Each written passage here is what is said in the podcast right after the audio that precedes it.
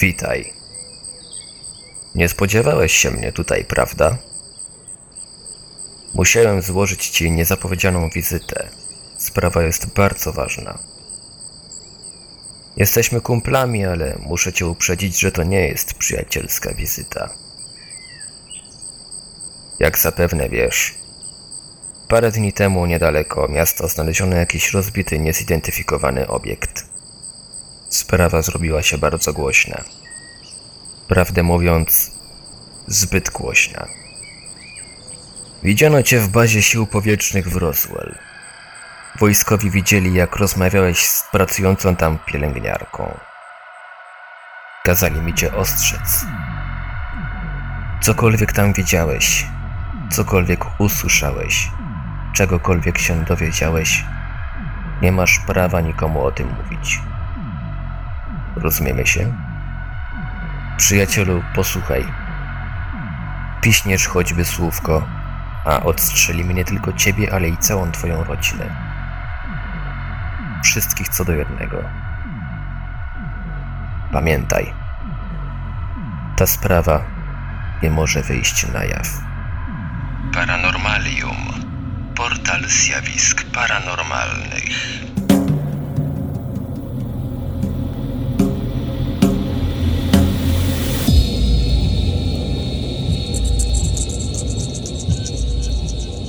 Trzeciego lipca 1947 roku Mac Brazel, właściciel rancha znajdującego się niedaleko Roswell w stanie Nowy Meksyk w USA, jadąc rano, aby sprawdzić swoje stado owiec, zobaczył w jednym z obszarów jego rozległej posiadłości wiele dziwnych szczątków.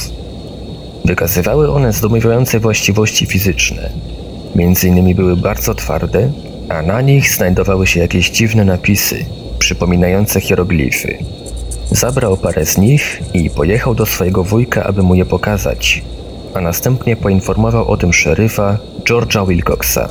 Szeryf natychmiast zawiadomił lotnisko wojskowe i pojechał obejrzeć zadziwiające szczątki. W ciągu paru godzin na miejsce zdarzenia przyjechało wojsko, a gdy zobaczyli szczątki, natychmiast zamknęli teren na parę dni i oczyścili go ze wszystkich szczątków, zabierając części wraku i zawożąc je samolotami B-29 do bazy w Roswell. Rankiem 8 lipca 1947 roku pułkownik William Blanchard, komandor grupy 509, mającej siedzibę w Roswell, podał prasie i stacjom radiowym wiadomość, że odnaleziono wrak latającego dysku. Headline edition, July 8, 1947. The Army Air Forces has announced that a flying disc has been found and is now in the possession of the Army. Army officers say the missile, found sometime last week, has been inspected at Roswell, New Mexico, and sent to Wright Field, Ohio, for further inspection. Late this afternoon, a bulletin from New Mexico suggested that the widely publicized mystery of the flying saucers may soon be solved. Army Air Force officers reported that one of the strange discs had been found and inspected sometime last week. Jednak parę godzin później generał Roger Ramey, komandor 8 grupy z lotniska Fort Worth w Teksasie, przekazał opinii publicznej kolejną wiadomość. Powiedział on, że Blanchard popełnił ogromną pomyłkę i że ten niezidentyfikowany obiekt to był tak naprawdę balon atmosferyczny nowej generacji, a nie żaden statek pochodzenia pozaziemskiego. Co więc było prawdą? Prawie na 100% można przyjąć, że wiadomość Blancharda była prawdziwa. Ci, którzy z nim pracowali, mówili, że był on solidnym i poważnym człowiekiem i nie przyniósłby wstydu tak elitarnej grupie 509. Poza tym Raimi, przekazując ludziom wiadomość o balonie, znajdował się 400 mil od miejsca katastrofy.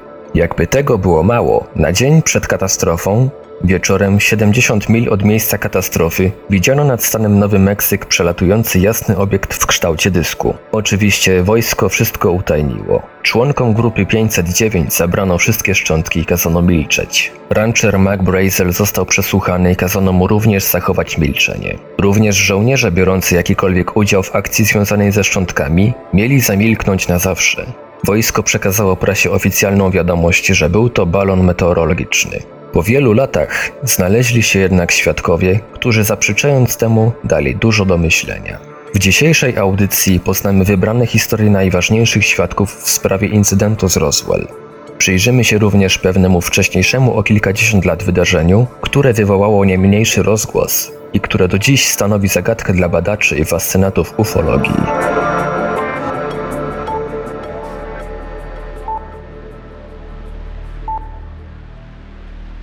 Jednym z najważniejszych świadków w sprawie Roswell był generał Thomas Dubose z bazy Fort Worth w Teksasie. Przed swoją śmiercią w 1992 roku wyjawił on, że w lipcu 1947 roku dostał telefon z rządu mówiący mu, że ma zlikwidować pogłoski na temat UFO i ściągnąć odpowiedzialność z przedstawicieli rządu. 7 lipca 1947 roku reporter Mac Boyle chciał przekazać relację z katastrofy w Roswell stacji radiowej w Albuquerque. Informację nadaną teleksem otrzymała Lydia Sleepy. Gdy zaczęła ją nadawać, połączenie zostało nagle przerwane, a teleks zaczął przekazywać następującą informację. Uwaga Albuquerque. Nie nadawać. Powtarzam, nie nadawać tej wiadomości. Natychmiast przerwać połączenie.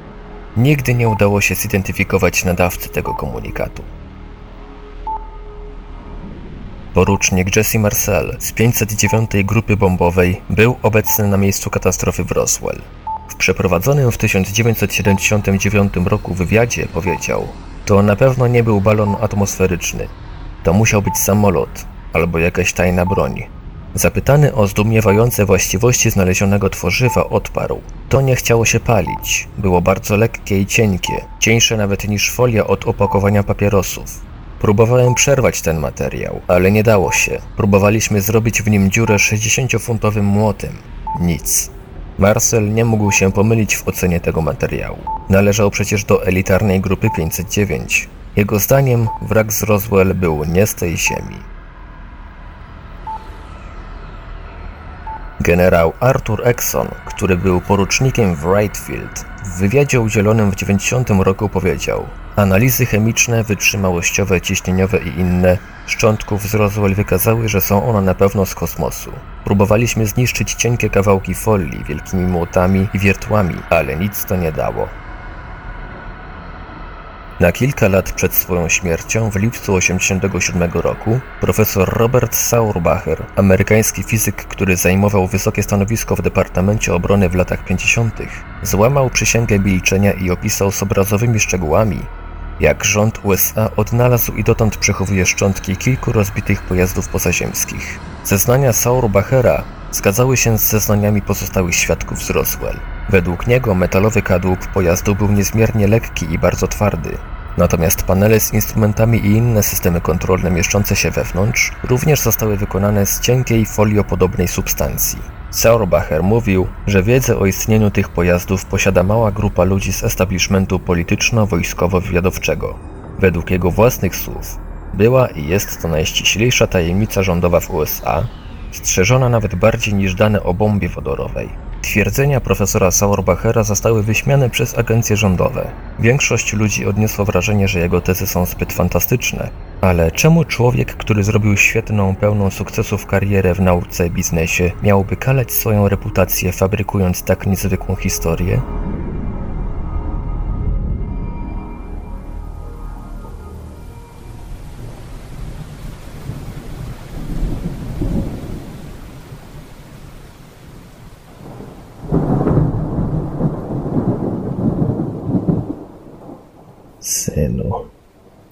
Zanim odejdę, muszę ci coś powiedzieć. Musisz przekazać światu prawdę o Roswell. Gdy wojsko nie będzie już trzymać na smyczy ciebie i twojej rodziny, proszę, ujawnij wszystko.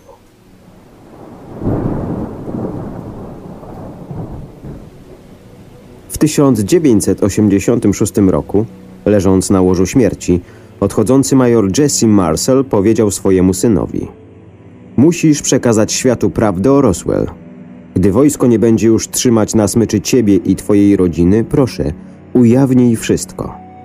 Major Jesse Marcel był głową wywiadu w bazie Armii Powietrznej znajdującym się w Roswell, w stanie Nowy Meksyk, w Stanach Zjednoczonych.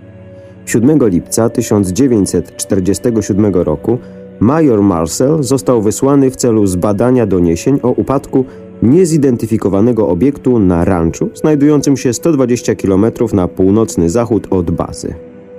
Po zbadaniu miejsca upadku Marcel pojechał do domu, aby pokazać rodzinie to, co znalazł. Jesse Jr. miał wtedy zaledwie 11 lat ale żywo zapamiętał podekscytowanie ojca i widział i dotykał foliowatych materiałów, które według słów jego ojca rozrzucone były dookoła wraku. Był to lśniący i cienki papier. Nie dało się go jednak rozerwać ani pociąć. Jesse Junior zachował w pamięci również to, jak jego ojciec próbował kawałki papieru poskładać. Była tam również długa, na kilkanaście centymetrów belka, pokryta hieroglificznym pismem i znakami. To naprawdę był przedmiot nie z tego świata. Po powrocie do bazy, przełożony majora Marcela, William Batch Blanchard, polecił Marcelowi przesłanie materiału do Wright-Patterson Air Base w Dayton, a następnie zatrzymanie się w Fort Worth w Teksasie w celu pokazania dziwnego odkrycia generałowi Rogerowi Remy, dowódcy 8 Pułku Sił Powietrznych. Gdy Remy dowiedział się, że Blanchard wydał komunikat prasowy stwierdzający odkrycie latającego spotka i że materiały zostały wysłane do Wright-Patterson Air Base, natychmiast się wściekł i czym prędzej zwołał konferencję prasową. Marcel został sfotografowany z resztkami balona meteorologicznego w ręku i został zmuszony do przyznania w mediach, że resztki balona to jedyne, co odkryto w Roswell. Od tego momentu, wbrew tuzinom kolaborujących świadków z miejsca upadku, majora Marcela zmuszono do utrzymania tego kłamstwa przez resztę życia. Słowa ojca nękały Jesse Marcela juniora przez prawie 20 lat. Gdy nadeszła jego emerytura, gdy służył w Iraku w 2004 roku, Jesse Junior zdecydował się rozpocząć pisanie. Po kilku miesiącach amerykańskie wojsko nie mogło już zmusić ani jego, ani też jego rodziny do utrzymania tajemnicy. Jesse Junior pamiętał zakłopotanie ojca, gdy ten został zmuszony wmawiać światu, że przedmiot, który zbadał, był tylko balonem meteorologicznym. Słynne zdjęcie jego ojca, klękającego i trzymającego resztki balona meteorologicznego, było niesprawiedliwością, którą rodzina Marcela musiała cierpieć przez prawie 60 lat. Teraz, w momencie wydania książki The Roswell Legacy, Jesse Junior wreszcie dochodzi swoich praw, a świat nareszcie pozna prawdę. Wraz ze wstępem napisanym przez znanego ufologa Stantona Friedmana, ta książka rozwieje wszelkie wątpliwości. Świat czekał bardzo długo na ujawnienie prawdy o Roswell. Prawda stanowi doskonały środek leczniczy dla fałszywych proklamacji. Odzyskanie rozbitego spotka w Roswell jest jednym z najważniejszych przypadków w historii ufologii. Potrzebujemy więc informacji od osób bezpośrednio włączonych w tę sprawę, a ta książka dostarcza dużo ważnego nowego materiału, mówi Stanton Friedman. www.mmdnewswire.com Tłumaczenie Ivelios. Czytał Hubert Chłopicki.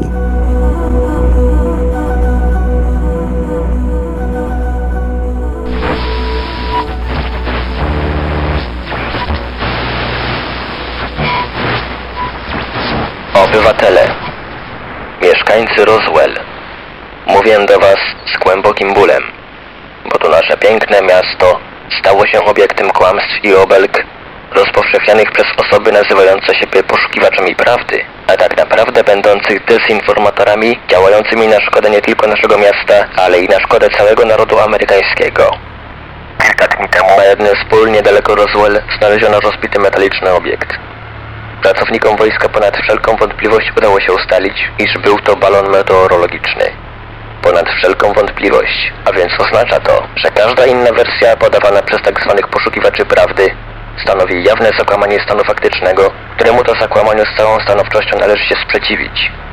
Od teraz każdy prowokator czy szaleniec, który odważy się otworzyć usta i zaprzeczyć prawdzie, niech będzie pewny, że mu te usta władza stanowa zamknie.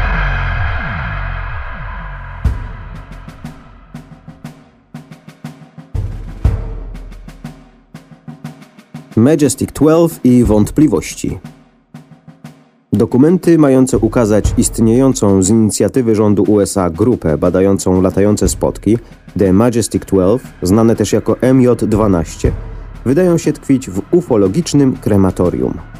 Dokumenty, według jednych fałszywki, według innych dokumenty rządowe, pozwalają, nie tak jak w przypadku Roswell czy podobnych wydarzeń, ostatecznie określić autentyczność lub fałszywość. Ufolodzy nie są jednak w stanie dowieść autentyczności lub fałszywości danego wydarzenia dotyczącego UFO. Jak trudne było poświadczenie lub zdemaskowanie dokumentów MJ-12. Wydaje się, że dokumenty MJ12 spoczywają w ufologicznej otchłani, gdzie znajdują się również inne wydarzenia dotyczące UFO. Mamy tu na myśli wszystkie tego typu wydarzenia. Gdy jeden z głównych orędowników autentyczności dokumentów MJ12, Stanton Friedman, dokładnie i gruntownie je przebadał, on sam ani też inni badacze nie byli w stanie przekonać pozostałych ufologów, że dokumenty te naprawdę ukazują to, co oni sami reprezentują. Ci zaś, którzy uznają te dokumenty za fałszywki, nie są w stanie przekonać Friedmana o ich fałszywości. Oto jeden z powodów, dla których UFO i dowody na istnienie tego zjawiska były obserwowane przez naukę i uczonych z wielką podejrzliwością. Żaden incydent dotyczący UFO nie był przekonywujący lub nawet poszlakowo obiecujący.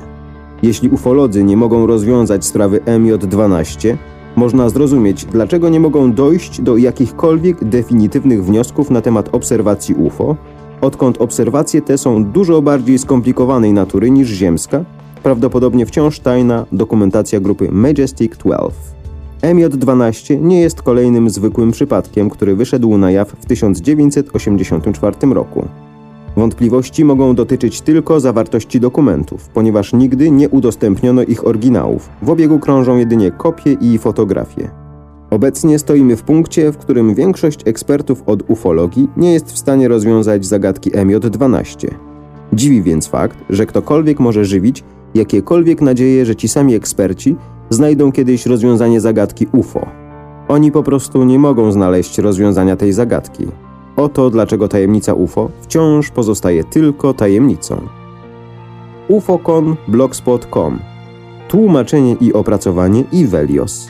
Czytał Hubert Chłopicki.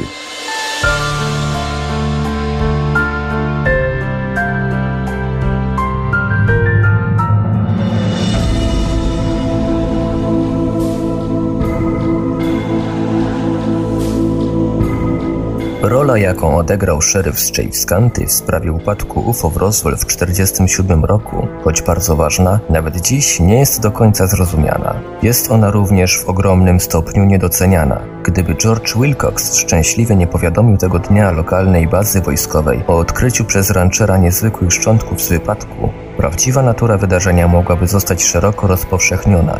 Szczegóły otaczające ten incydent mogłyby nigdy nie zostać ukryte. My zaś znalibyśmy wszystkie odpowiedzi na pytania, które dziś zadajemy sobie na temat tego wydarzenia. Pozaziemska rzeczywistość otaczająca Roswell, głębokie zaangażowanie szeryfa w incydent oraz waga jego tajemnicy ujawnione zostały przez jego dwie córki, jego wnuczkę, jego dawnego sąsiada, braci z Roswell, lokalnego przedsiębiorcę pogrzebowego oraz zastępców szeryfa. Interesujące jest, że również żona szeryfa Wilcoxa miała swój wkład w sprawie incydentu w małostanym pisemnym raporcie, który sporządziła potajemnie dla potrzeb historycznych. Sporządziła odręcznie szczegółowy opis zdarzenia krótko po incydencie. Dokument jest aktualnie przechowywany przez historyków. Opowiada ona o nadzwyczajności tego dnia oraz oferuje nam podpowiedzi dotyczące doświadczeń jej męża oraz Roswell jako zdarzenia o naturze pozaziemskiej. W lipcu 1947 roku George Wilcox był szeryfem w County. Gdy rancher Mac Brazel przyszedł do biura szeryfa, przyniósł ze sobą odrobinę niezwykłych materiałów, które, jak mówił szeryfowi, znalazł na ranczu Fosterów. Brazel wrócił właśnie od proktorów, którzy posiadali sąsiednie rancho. Floyd i Loretta Proctor powiedzieli Macowi, że powinien opowiedzieć szeryfowi o swoim odkryciu. Mac udał się więc do miasteczka. Nie wiedział, czym były te materiały i chciał się dowiedzieć, czy szeryf będzie w stanie je zidentyfikować i czy pomoże mu je pozbierać i wywieźć z rancha. Ktoś w końcu był za to odpowiedzialny, a Mac chciał, by Wilcox dowiedział się i zrobił coś w tej sprawie. Wilcox nie miał pomysłu, czym były szczątki, które pokazał mu Mac. Sceptycy wskazują na zasadniczy fakt. Wilcox musiał być wystarczająco zakłopotany tym materiałem i wystarczająco zainteresowany historią Maka, by natychmiast powiadomić żołnierzy stacjonujących w bazie, każąc im przy tym zbadać sprawę. Wilcox musiał mocno wierzyć, że wydarzyło się coś ważnego, Musiał usłyszeć lub zobaczyć coś tak alarmującego, że postanowił włączyć w to inne władze i skontaktować się z bazą sił powietrznych w Roswell. Czymkolwiek było to, co Mac pokazał George'owi, z pewnością nie był to kawałek balonu ani też balonu westynowego, jak twierdził rząd. Wilcox był dobrze obznajomiony z każdego rodzaju balonami. Często spadały one na ranczach hrabstwa, w którym pracował. Nigdy nie przekazywał Raafowi czegokolwiek, co przypominałoby materiał z balonu. Niemal natychmiast po telefonie od Wilcoxa do hrabstwa przyjechało wojsko. Jak później powiedziano pracownikom Straży Pożarnej w Roswell, wojskowi powiedzieli szeryfowi i jego zastępcom, że nie muszą opuszczać tego miejsca. Musieli jedynie przekazać sprawę oficerom w bazie. Jedna z córek Wilcoxa powiedziała później, że szeryf czuł, że posiada odpowiednie kwalifikacje i mimo, że to do niego należało ostatnie zdanie w sprawie, został zmuszony do współpracy. Wierzyła, że gdyby miał to wykonać ponownie, najpierw opowiedziałby o wszystkim prasie i reporterom, bez angażowania w to wojska. George i Ines Wilcox mieli dwie córki, Phyllis i Elizabeth. Obydwie, wciąż żyjące, zamężne, emerytowane profesjonalistki, były bardzo elokwentne. Obie również utrzymują, że ich ojciec był zaangażowany w mające naturę pozaziemską wydarzenie w Roswell w 1947 roku.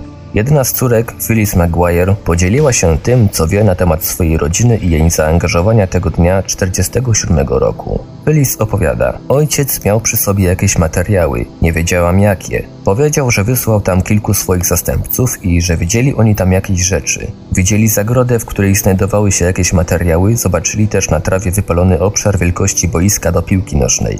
Phyllis stwierdziła również, że dwóch funkcjonariuszy odnalazło okopcony obszar, który wyglądał jak gdyby wylądowało na nim coś wielkiego i okrągłego. Phyllis Maguire opowiada dalej. Gdy w lokalnej prasie w Roswell przeczytałam artykuł na temat znalezionego tam latającego spotka, wybrałam się do biura ojca, by go o to zapytać. Zapytałam ojca, czy sądzi, że informacja o latającym spotku jest prawdziwa. Odpowiedział, nie wiem po co Brazel by się targał taki szmat drogi, gdyby tam nic nie było. Powiedział, że Brazel wziął ze sobą trochę materiału, by go pokazać i że materiał ten wyglądał jak cynfolia. Gdy jednak go zwijał, materiał wracał do swojego pierwotnego kształtu. Czuł, że było to ważne odkrycie i wysłał tam swoich zastępców, by ci zbadali sprawę. Phyllis Maguire jako świadek z pierwszej ręki potwierdza istnienie metalu z pamięcią kształtu, który został przywieziony do miejscowego więzienia. Jest ona jedną z tych, którzy opisywali niektóre szczątki jako pamiętające siebie, dekady przed wynalezieniem stopów metali odzyskujących kształt. Maguire opowiada, że podczas gdy mężczyźni dyskutowali nad tą sprawą, kazano jej wyjść z więzienia. Mimo iż chciała dowiedzieć się czegoś więcej na temat znaleziska, ojciec nie powiedział jej już nic. W końcu matka nakazała jej przestać wypytywać ojca o tą sprawę i zostawić to w spokoju. Phyllis przyznaje, że jej matka, aczkolwiek tylko jeden raz, krótko opowiedziała jej o całym zdarzeniu. Na początku lat 70. powiedziała mi więcej o tym, co się stało. Co to było? Zapytałem pewnego razu. Kosmita, odpowiedziała Ines. Phyllis zapytała następnie, czy były tam ciała, na co Ines odpowiedziała, tak, były tam ciała. Gdy ich znaleziono, jeden z nich jeszcze żył, ale w końcu umarł. Phyllis opowiada dalej, co mówiła jej matka. Mieli wielkie głowy i oczy, ale małe ciała. Matka powiedziała też, że ojcu bardzo było ich szkoda. Odniosłam wrażenie, że niezbyt dobrze się nimi zaopiekowano i że traktowano ich jak wrogów. Ojciec opowiedział matce o wszystkim, zawsze to wiedziała. Nie wspominała o nikim innym, kto byłby w to zaangażowany. Mówili, że cała rodzina mogłaby zostać zabita. Na temat swojego ojca Phyllis mówi: Myślę, że czuł się źle, nie mówiąc mi nic. Być może jednak próbował nas chronić. Druga córka Wilcoxa, Elizabeth Tulk, poświadczyła, co wie na temat tego zdarzenia. W lipcu 1947 roku odwiedziłam moich rodziców w Roswell w Nowym Meksyku. W dniu, gdy ja i mój mąż przyjechaliśmy, były tam jeepy i jacyś ludzie z sił powietrznych obecni byli w lokalnym więzieniu. Mój mąż, Jay, zapytał mojego ojca, co się dzieje. Ojciec odpowiedział: Cóż, ten człowiek tu przyszedł i mówi, że znaleziono ten latający talerz i przyniósł z niego kawałek. Powiedział, że wokół znalezionego materiału trawa wyglądała jak gdyby była wypalona. Matka przez całe lata nie mówiła nic o tym incydencie. Po latach jednak powiedziała: Czy pamiętasz ten czas, gdy w Roswell znaleziono latający spodek? Czytałam napisany przez nią artykuł, którym pisze, że do dziś nie wiadomo, czy był to latający spodek, ponieważ mojemu ojcu zabroniono w ogóle o tym mówić. Tulk wskazuje na to, iż wierzy, że zastępcy szeryfa wybrali się na miejsce wypadku, zanim w miejscowym więzieniu zjawili się wojskowi.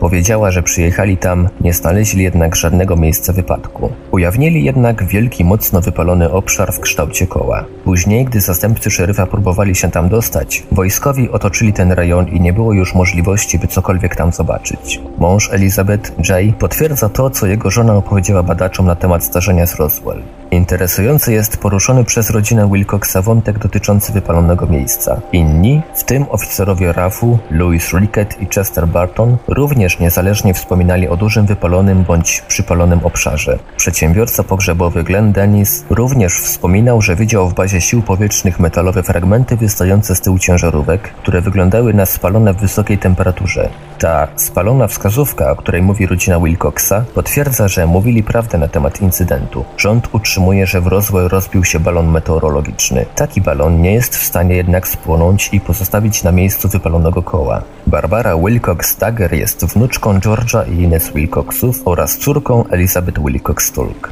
Barbara mieszkała ze swoją babcią przez jakiś czas po śmierci George'a. Towarzyszyła swojej owdowiałej babci. Być może z uwagi na upływ czasu oraz na bliskość i zaufanie, jakie wdowa miała wobec swojej wnuczki, w kwestii incydentu z Roswell Ines otwarła się przed Barbarą nawet bardziej niż przed jej matką. Rodzina mówi o Ines jako o wielkiej mamie, po angielsku Big Mom. Według wnuczki, pewnego dnia, gdy wspólnie oglądały telewizję, rozpoczął się program poruszający tematykę UFO. Barbara opowiada o tym, co powiedziała wówczas jej babcia. Barbaro, powiedz mi, czy wierzysz, że gdzieś w kosmosie istnieje życie? Odpowiedziałam, wielka mamo, przecież wierzy, że wierzę. Ines kontynuowała, muszę ci coś opowiedzieć. Musisz jednak obiecać, że nigdy nikomu więcej o tym nie powiesz. Proszę, zachowaj to dla siebie. Gdy to wszystko się wydarzyło, wojskowi przyszli do nas, do biura szeryfa i oświadczyli, że jeśli my, to znaczy George i ja, kiedykolwiek komukolwiek o tej sprawie powiemy choć jedno słowo, wówczas zabiją nie tylko nas, ale i całą rodzinę.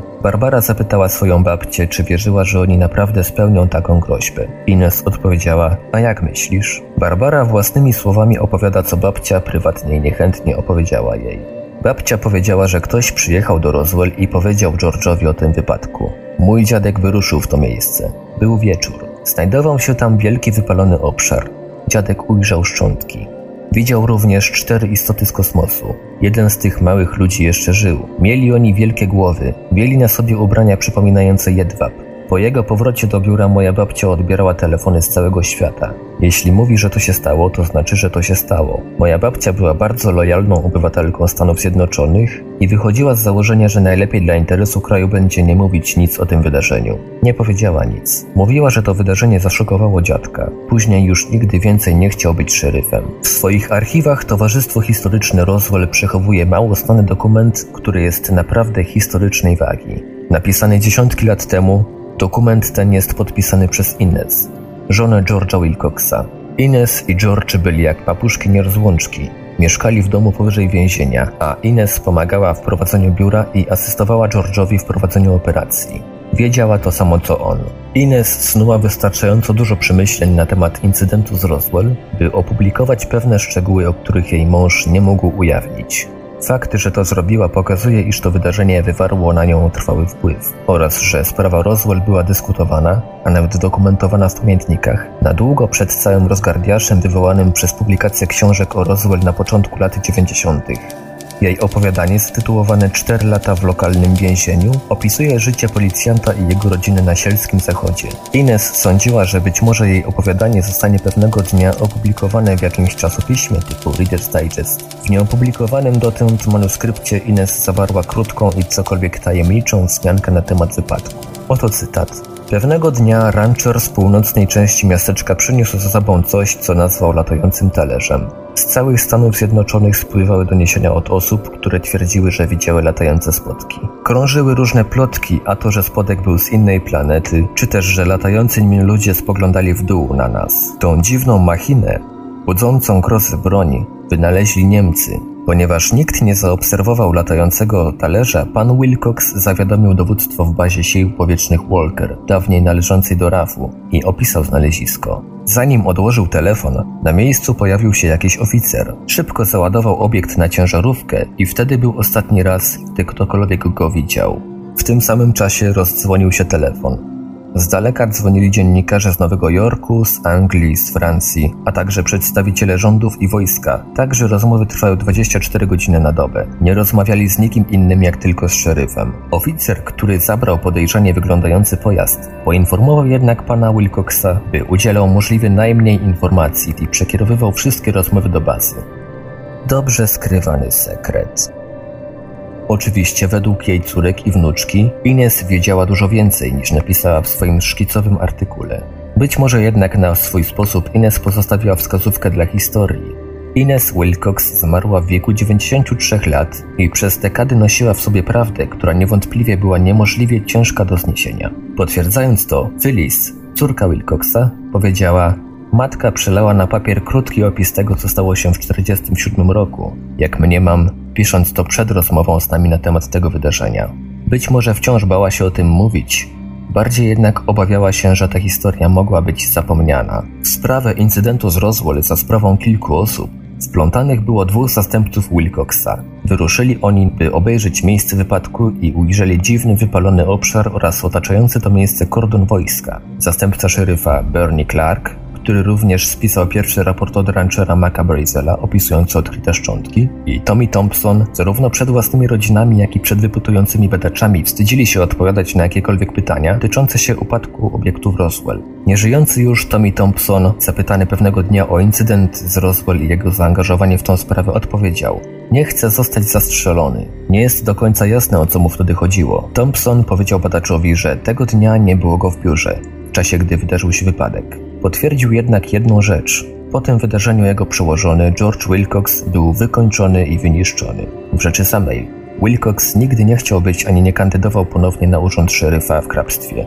Drugi zastępca, B.A. Clark, również nieżyjący, w podobny sposób nie puszczał pary z ust na temat tej sprawy. Nawet własnym synom, George'owi i Charlesowi Clarkowi, mówił o niej bardzo niewiele, nawet pomimo tego, iż wiedzieli oni, że ich ojciec był wówczas na miejscu. Co mogło uciszać tych dwóch stróżów prawa nawet dziesiątki lat po incydencie? Roger Cordes w roku 47 była sąsiadką rodziny Wilcoxów. Wraz ze swoim mężem, oficerem RAF-u, mieszkała kilka drzwi dalej od George'a Wilcoxa. Pracowała wówczas w jednym z banków w Roswell jako doradca. Nawet dziś, obecnie na, na emeryturze, już po osiemdziesiątce, Rodzin nie chce rozmawiać na temat zaangażowania Wilcoxa. Choć była szczera i bezpośrednia, gdy opisywała inne historie dotyczące zaangażowania i powiązania jej męża generała ze sprawą Roswell, o tyle wydawała się bardzo niechętna komentowaniu szeryfa Wilcoxa. Powiedziała jedynie, George'owi i Ines Wilcoxom grożą oni zaś obawiali się z sobie znanych powodów.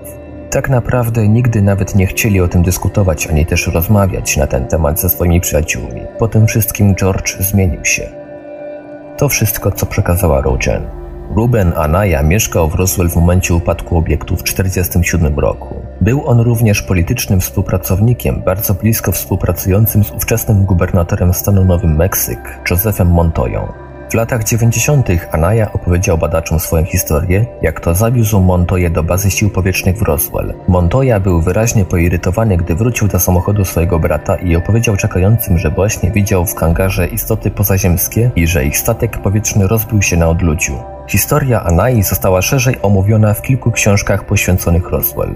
Tą historię z historią Wilcoxa wiąże pewien wątek. Jak wyjaśnia Ruben, gdy bracia wrócili do domu po odwiezieniu Montoya do hotelu, w którym mieszkał, zastali niespodziankę czekającego przed domem George'a Wilcoxa. Zastanawiali się, czego Wilcox od nich chciał, przyszli więc go przywitać.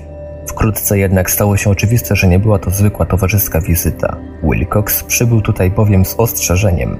Powiedział im, że z polecenia wojska dostarczył im wiadomość, która miała być dla nich zrozumiała. Wilcox wiedział, że bracia odwiedzili wcześniej bazę. Zażądał od nich, aby nikomu nie mówili czegokolwiek na temat tego, co powiedział im w bazie gubernator Montoya.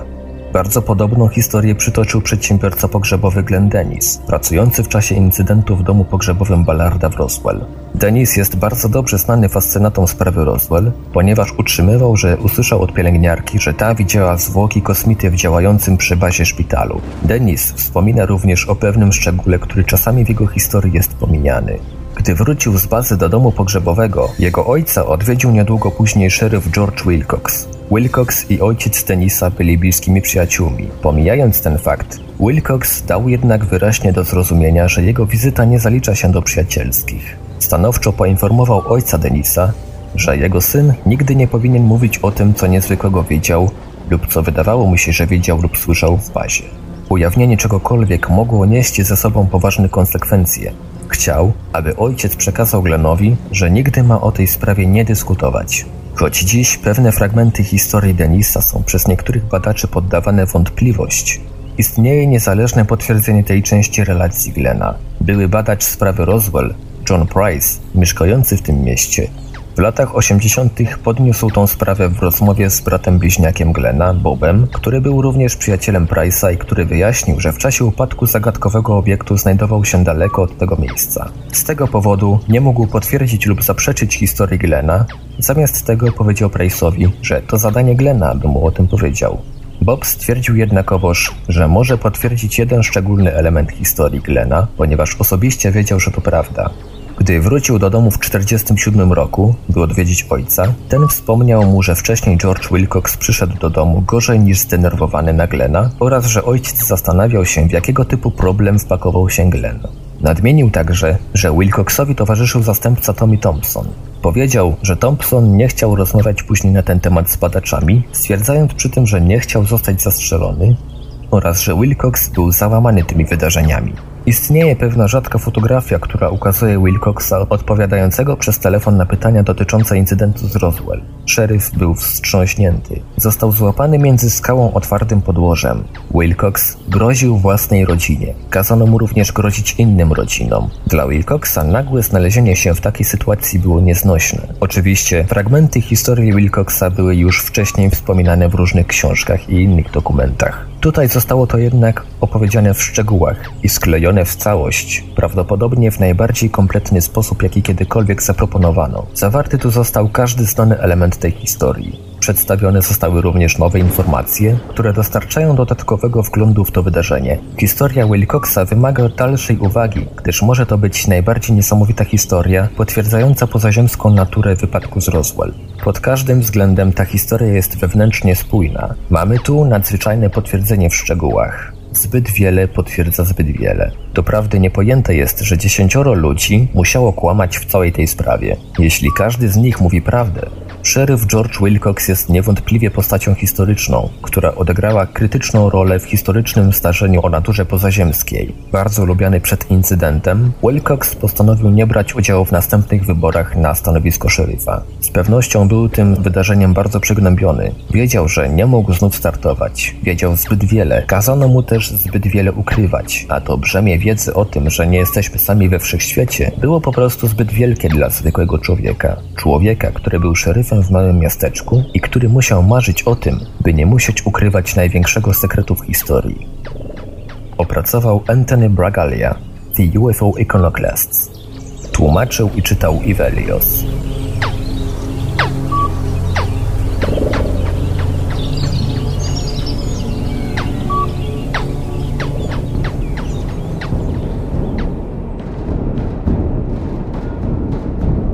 W 1947 roku w Roswell w Stanach Zjednoczonych miała miejsce najsłynniejsza katastrofa UFO.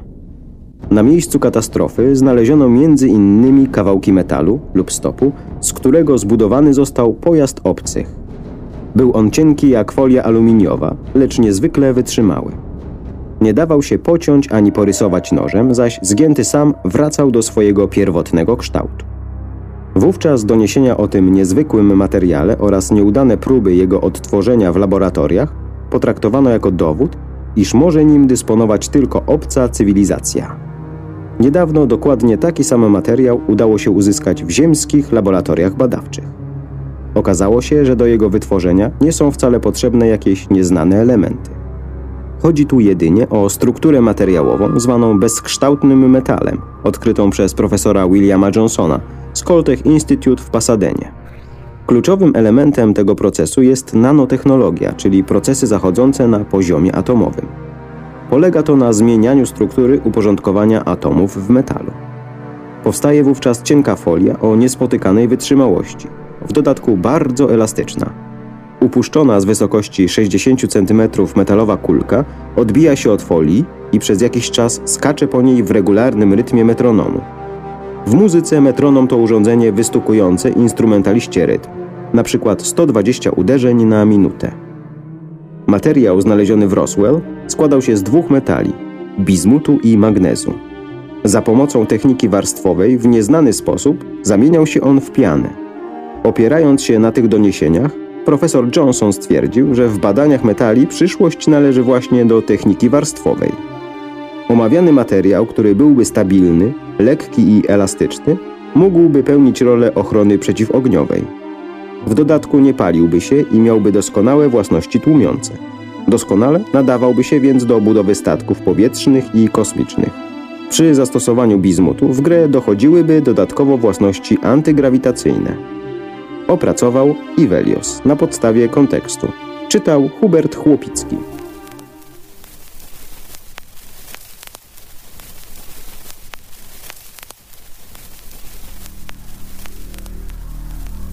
Spektakularny wypadek UFO, którego świadkami byli miejscowi mieszkańcy i wojskowi, odzyskanie ciała kosmity i fantastyczne zatuszowanie sprawy.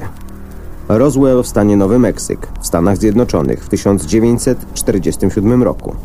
Prawda? Nic bardziej mylnego. Aurora w stanie Teksas w roku 1897. Tę ważną informację przekazała jako pierwsza gazeta Dallas Morning News 17 kwietnia tego roku.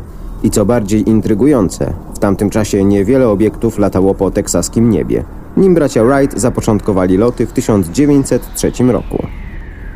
Reporter S.E. Hayden pisał wówczas Aurora, White County, Texas.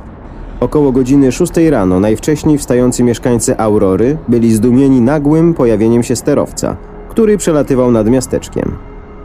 Obiekt przelatywał bezpośrednio nad placem, na którym zgromadzili się ludzie, a kiedy dotarł do północnej części miasta, zderzył się z wiatrakiem sędziego Proktora. Wówczas doszło do silnego wybuchu, który rozrzucił szczątki po kilku poletkach, zniszczył wiatrak i zbiornik na wodę i zniszczył ogródek sędziego. Na pokładzie statku znajdował się jeden pilot. Pomimo oszpecenia jego szczątków, jego widok sugerował, że nie był to mieszkaniec tego świata. Ponad 100 lat później ta dramatyczna historia ściągnęła do Teksasu ekipę telewizyjną kanału The History Channel z producentem pisarzem na czele Johnem Greenwaldem Jr., który wyprodukował audycję UFO Files Texas Roswell. Jest to miejska legenda. Ciekawi mnie jednak, ile tkwi w niej prawdy, powiedział Greenwald. Rozmawialiśmy z ekspertami, są to bardzo inteligentni ludzie, przekonani, że to zdarzyło się naprawdę. Dodał, że mieszkańcy Aurory byli na temat UFO bardziej wylewni w rozmowach telefonicznych. Stonowali jednak swoje historie, gdy tylko zabłysły flesze aparatów. Zauważył też, że w 1897 roku dokonano na środkowym zachodzie USA większej ilości obserwacji tajemniczych sterowców. Miastowi stoją obecnie twardo na stanowisku, że wydarzenie to w rzeczywistości nie miało miejsca, powiedział Greenwald. Jednakże badacze UFO są przekonani, że wydarzyło się ono naprawdę. Ludzie w rozmowach przed kamerą mówili, że zabroniono im dostępu do cmentarza, gdzie spodziewali się napotkać i zbadać pozaziemskie szczątki. Nie udało im się również otrzymać zezwolenia na zbadanie wody, która rzekomo została użyta do usunięcia kawałków metalu pozostałych po rozbitym zbiorniku. Wieśniacy twierdzą, że kolejny właściciel posesji winą za zły stan zdrowia obarczał zanieczyszczoną wodę. Teksańczyk Daryl Smith, nazywający siebie pozaziemskim myśliwym, były agent CIA był mniej powściągliwy. Podałem jeden z najważniejszych pomysłów, co mogło się wydarzyć w Aurorze, powiedział Sims. Najbardziej interesujące jest to, czy w tej miejscowości pochowany jest przybysz z kosmosu. Czy może ktoś mógł wynieść jego małe ciało? The History Channel i inne źródła przytaczają ogólnie przyjętą teorię, że całe zamieszanie było spowodowane działaniem reportera i miejscowych współpracowników, którzy zwiększyli zainteresowanie sprawą w mieście. Rick Cousins, The Galveston County Daily News. Tłumaczenie Ivelios. Czytał Hubert Chłopicki.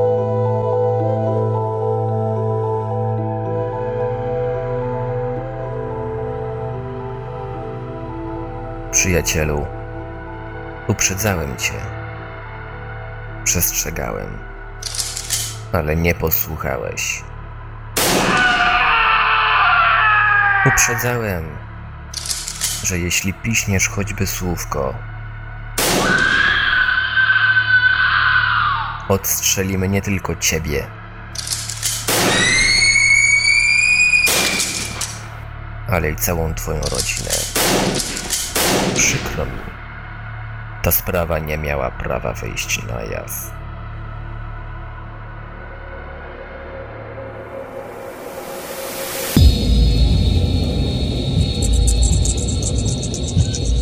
Była to audycja przygotowana przez redakcję portalu Paranormalium. Dziękujemy za uwagę i zapraszamy do wysłuchania następnej audycji, którą opublikujemy już za miesiąc.